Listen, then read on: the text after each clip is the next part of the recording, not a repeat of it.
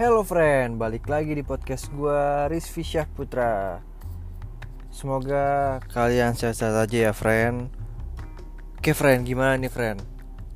Kita udah ngejalanin new normal selama kurang lebih seminggu ya.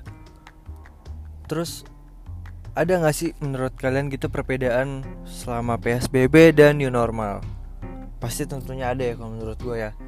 Jadi yang selama ini PSBB itu kita aktivitas di rumah kita harus ngapa-ngapain di rumah kita nggak bisa keluar paling kita keluar cuma ya beli keperluan buat di rumah beli kebutuhan yang di rumah ataupun ada kebutuhan mendesak yang harus banget keluar rumah.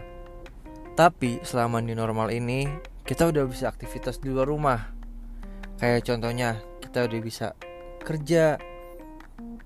Terus kalau untuk kuliah mungkin masih ada banyak yang di rumah ya atau melalui online. Tapi untuk kerjaan itu udah pasti udah bisa balik lagi kayak kerja di kantor. Udah aktivitas normal seperti biasanya lah. Cuma perbedaannya tetap kita harus menaati protokol kesehatan.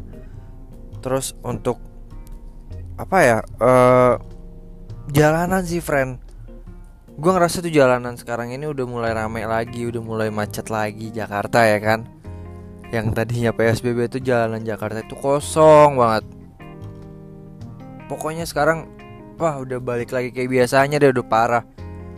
Ya Jakarta seperti biasanya ya macet di mana-mana friend menurut gue karena gue kemarin keluar gue harus ada kerjaan dan itu jalanan pagi itu macet udah kayak sebelum corona.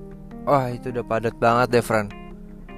Ya dan menurut gue sih new normal kali ini mungkin untuk mengurangi kenaikan virus corona itu kurang apa ya Fran? Kurang kurang aja gitu.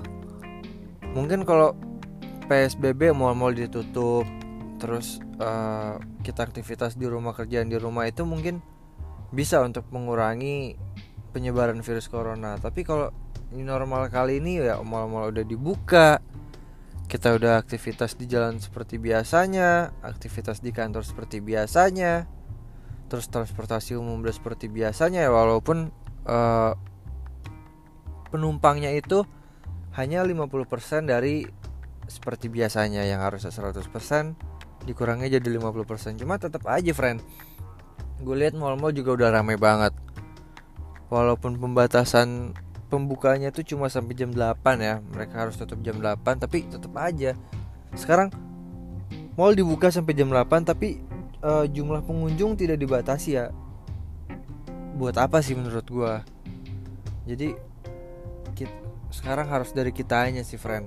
Gimana cara kita untuk mengurangi penyebaran virus corona ya kita harus jaga kesehatan kita jaga jarak antar sesama kita harus cuci tangan kita harus bawa hand sanitizer ya. Pokoknya kita taatin protokol kesehatan yang saat ini dikedepankan.